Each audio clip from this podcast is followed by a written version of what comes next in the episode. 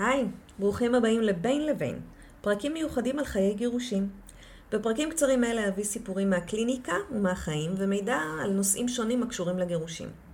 אני מאיה, מדריכת הורים גרושים ומתגרשים, גרושה בעצמי והם לשני ילדים. אני נושמת וחיה את עולם הגרושים כבר למעלה מעשר שנים.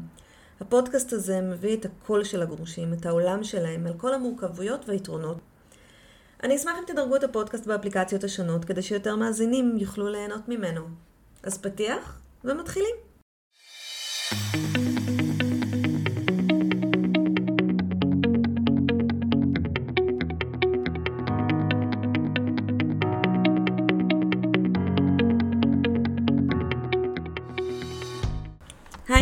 ברוכים הבאים לעוד פרק של בין לבין, פרקים קצרים העוסקים בנושאי הגירושים.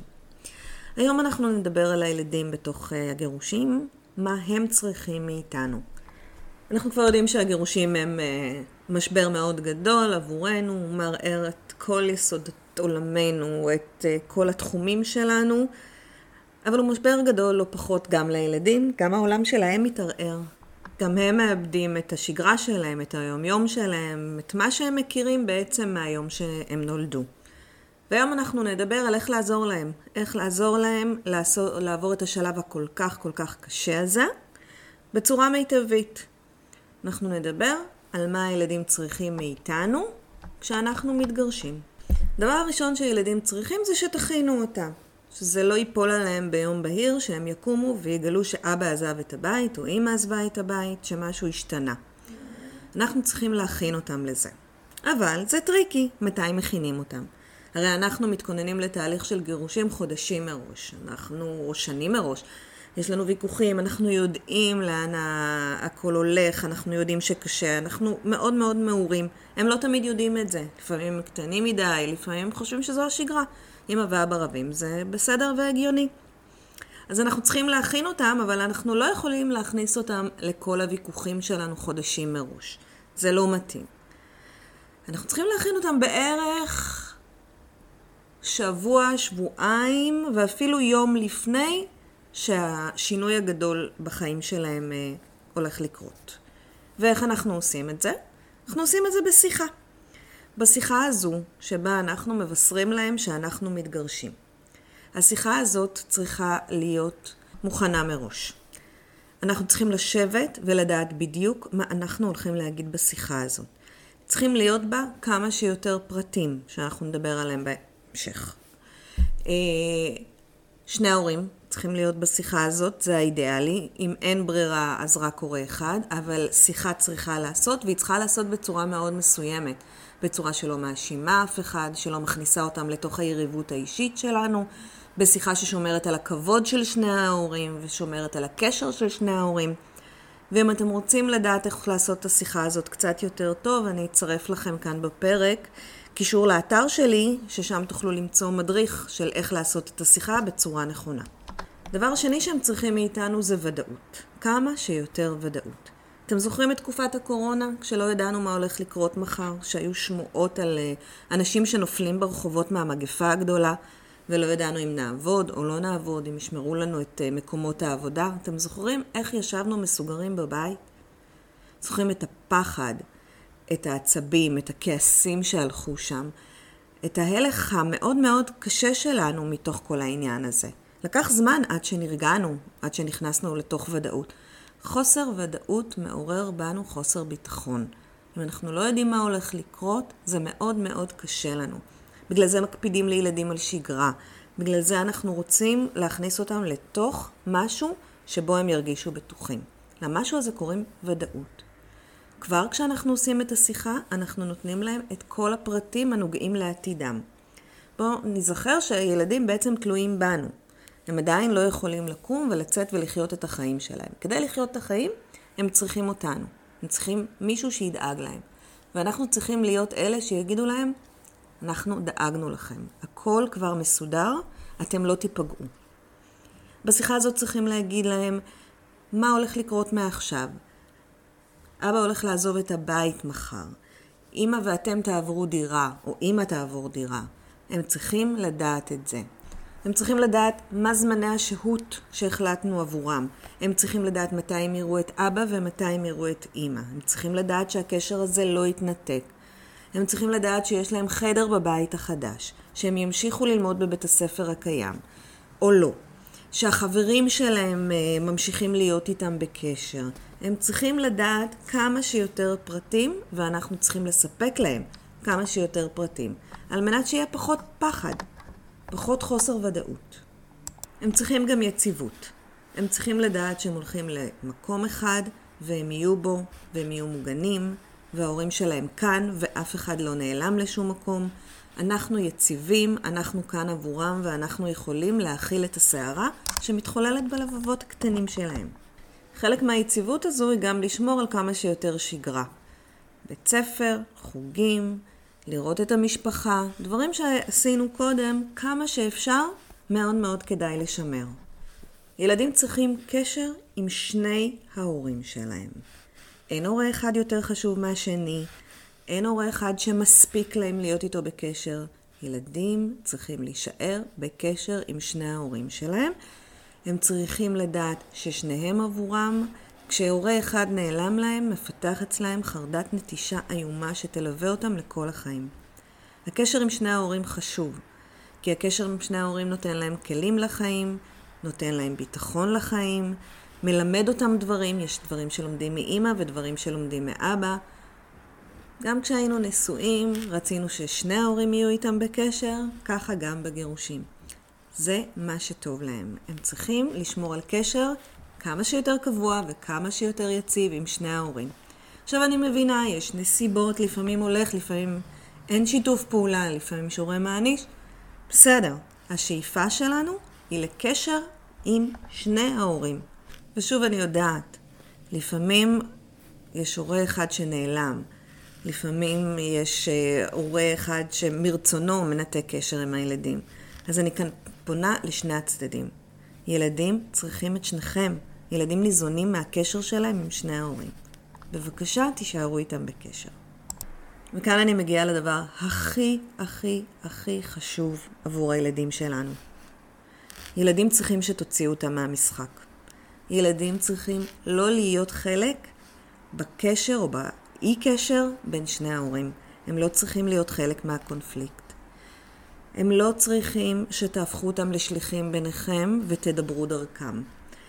דברים כמו, אה, אבא אמר לי למסור לך שלא תשכחי לקחת אותי לחוג, או אמא אמרה לי להזכיר לך שאתה צריך לשלם מזונות כי לא שילמת היום.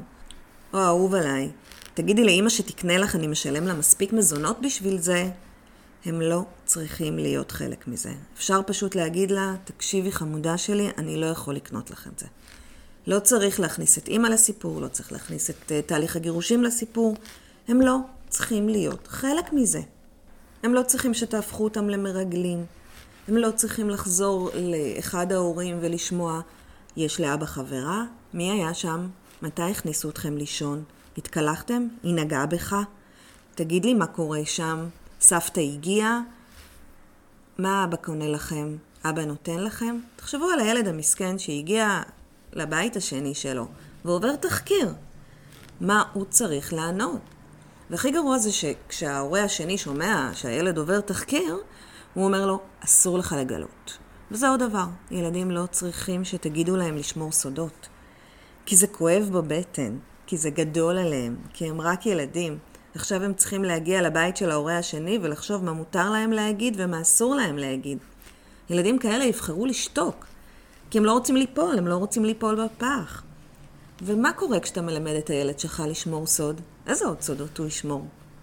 כשהילד שלך מבין שזה בסדר גמור ולגיטימי לשמור סוד, למה שהוא יספר לך דברים שקורים לו אחר כך? למה שהוא ישתף? הוא יודע שלשמור סוד זה בסדר גמור. אז תחשבו על לא רק מה אתם מרוויחים מזה עכשיו, אלא גם מה אתם מחנכים אותם. איפה הערכים שלכם שאתם רוצים להעביר להם נכנסים לעניין. ובהמשך לזה גם אל תשתפו אותם יותר מדי. שתדע לך שאבא שלך פירק את הבית, שתדע שאימא שלך עזבה את הבית בשביל הגבר החדש שלך. הם לא צריכים לדעת את זה. מספיק שאתם יודעים את זה, מספיק שלכם קשה. למה אתם רוצים שזה יהיה קשה גם להם? לא לתת להם יותר מדי פר, פרטים, לא להגיד להם, אין לנו כסף כי אבא לא הכניס מזונות החודש. זה מכניס אותם לחרדה, זה גדול עליהם, זה לא דברים שהם יכולים להתמודד איתם. הם לא החברים הכי טובים שלכם, הם הילדים שלכם. ואני אוסיף ואומר שאני יודעת, אני יודעת כמה זה קשה. אתה נמצא בבית, אתה מקבל איזושהי בשורה, או איזשהו צו, או משהו מעורך דין, והלב שלך גועש, אתה בסערת רגשות, ולפעמים דברים נפלטים, אנחנו רק בני אדם. זה בסדר. אבל קחו את זה למודעות שלכם. קחו את זה למודעות שלכם שהם לא החברים הכי טובים שלכם, למרות שהם אלה שנמצאים לידכם. ותנסו כמה שיותר לא להכניס אותם למאבקים. לא להפוך אותם לנשק, לא להגיד לבן זוג, אני לא אתן לך לראות את הילדים. לא להסית אותם נגד ההורה השני. כי כמו שאמרתי קודם, בהתחלה, והדגשתי ואמרתי, הילד צריך קשר עם שני ההורים. וגם איזה מסר אנחנו משדרים לו כשאנחנו אומרים לו שחצי ממנו, חצי ממה שזורם לו בדם, הוא לא טוב. אז מה זה אומר עליו? שהוא חצי לא טוב? לילדים באמת באמת קשה עם זה. יש להם משבר זהות מאוד גדול כשאנחנו מלכלכים על ההורה השני. אז אני יודעת שקשה, אז אני יודעת שאתם בתוך סערת רגשות, אני יודעת. תשפכו את הלב לחברה הכי טובה, לאימא, לאבא, למי שאתם יכולים. תנסו ממש ממש חזק לא להכניס את הילדים לתוך זה. והדבר האחרון שהילדים שלכם מאוד צריכים מכם, זה שתדברו אחד עם השני. כי נכון שהתגרשתם, אבל ההורות שלכם היא לנצח. אתם לנצח ההורים של הילדים האלה. וגם כשהורים מסתדרים ומדברים ביניהם, הרי יש המון קשיים. ילד שכח מחברת בבית, ילד לא הגיע לבית ספר, צריך שזה יקפיץ, שזה יקפיץ, צריכים לפעמים התחשבות, החלפה בשבתות. תמיד יש על מה לדבר. אבל כשההורים קונפליקט גבוה ולא מדברים אחד עם השני, זה קשה עוד יותר. תחשבו שנייה שקרה משהו אצלכם גדול, אה, בת הזוג נכנסה להיריון, בן הזוג עבר לגור עם האימא. והילד הוא זה שכדרך אגב מספר לצד השני. גם אם אתם במודעות הכי גבוהה, אתם יודעים לא לערב את הילדים, לא להראות רגשות, אתם כבר מתורגלים וזה... האינסטינקט הראשוני, התגובה הראשונה של ההורה השני כשהוא שומע שהחברה של אבא בהיריון ויהיה להם אח, הילד רואה את זה. אתם באמת רוצים שהילד יראה את השוק, את ההלם, או כמה כואב לצד השני? אם תדברו מראש ותכינו אותה מראש, התגובה תהיה אחרת. הילד יקבל את בצורה יותר קלה וטבעית. הוא יוכל אפילו לדבר איתכם ולהגיד לו שקשה לו, או שקל לו, או שטוב לו, או שרע לו, כי הם יודעים שאתם יכולים להכיל את זה. אז דברים כאלה, דברים גדולים שקורים, אתם חייבים לדבר ביניכם לפני שהילד שומע את זה. תחשבו על הילדה שלכם שהגיעה לגיל 12 ואתם שניכם שואלים אותה בהתרגשות, אז מה עושים לבת מצווה שלכם? מה את רוצה? את רוצה מסיבה גדולה? את רוצה מסיבה עם כל החברים? והיא רוצה, היא רוצה מסיבה. אבל היא אומרת לשניכם שהיא לא רוצה מסיבה והיא מעדיפה איזה משהו אחר או מתנה גדולה כי, כי היא מבינה שבת מצווה עכשיו תפתח פה אה, מלחמת עולמות והיא מבינה שזה ירים הרבה קשיים בין שתי המשפחות. אז היא מעדיפה לוותר, היא מעדיפה שלא תהיה בת מצווה. תחשבו על הילד שלכם שמתחתן וצריך לבחור אם הוא מזמין את אימא או אבא כי הם לא מוכנים להיות באותו חדר. זה פייר לבקש מהם כזה דבר? יותר מזה, תחשבו על ילד שמבין שאתם מדברים אחד עם השני רק כשקורה משהו רע. הוא הבין את זה בפעם הראשונה שהוא שבר את היד ושניכם הגעתם מודאגים לבית החולים ודיברתם והסתדרתם והכל היה בסדר רק בשבילו, כן? כי הוא שבר את היד. הילד הזה ייצר עוד מצבים כאלה. או שהוא יתחיל אה, להתרוצץ ולשבור גפיים, או שהוא יתחיל לעשות בעיות בבית ספר, או שהוא יתחיל לעשות כל דבר שיגרום לכם לדבר פעם אחת מול העיניים שלו, בכבוד ובשיתוף פעולה. ואם הוא ירצה את זה יותר, הוא ייצר מצבים כאלה, ילדים הם מאוד מאוד חכמים. אלה הדברים העיקריים שהילדים צריכים מכם כשאתם מתגרשים. כשאתם עושים את הדברים האלה זה ההבדל בין משבר לטראומה. כשהקונפליקט גבוה, כשאתם רבים כל הזמן, זה יוצר לילדים טראומה, טראומה מתמשכת. כשאתם מצליחים להתנהל בסדר אחד מול השני, הילדים יחוו את זה כמשבר. זה לא חייב לטלטל את כל עולמם, זה יטלטל לתקופה קצרה, אבל הם יוכלו להמשיך עם זה הלאה. על יתר הדברים, על איך לתקשר, על איך לעשות את זה קצת יותר נכון, אני מדברת בסדנה שלי מבית לבית, לבנות את ההורות שלי מחדש. מי שמעוניין או רוצה לשמוע עוד פרטים, מוזמן ליצור אותי קשר, דרך הוואטסאפ, דרך האתר שלי, דרך הקבוצה, הורים נקודה גרושים, קהילת ההורים הגרושים והמתגרשים, או בכל דרך אחרת שהוא מוצא. עד כאן להיום. תודה רבה שהאזנתם. ניפגש בפרקים הבאים. ממש רגע לפני שהפרק הזה מסתיים, אני רוצה לנצל את ההזדמנות ולספר לכם על סדנה שאני פותחת ברביעי לינואר.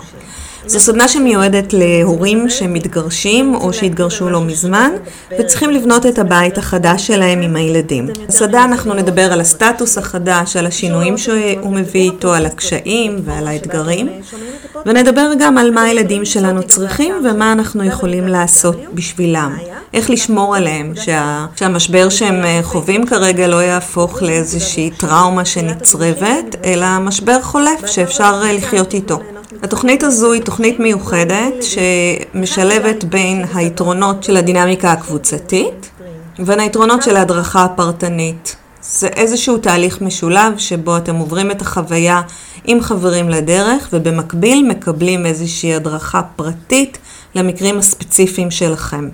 אם זה משהו שאתם חושבים שמתאים לכם, או שאתם מכירים מישהו שזה מתאים לו, אני אשמח שתעבירו לו את המידע. בתיאור של הפרק יהיה קישור לדף הסבר על התוכנית, העלויות, מתי זה ואיך זה עובד. תודה שנתתם לי את הזמן הזה.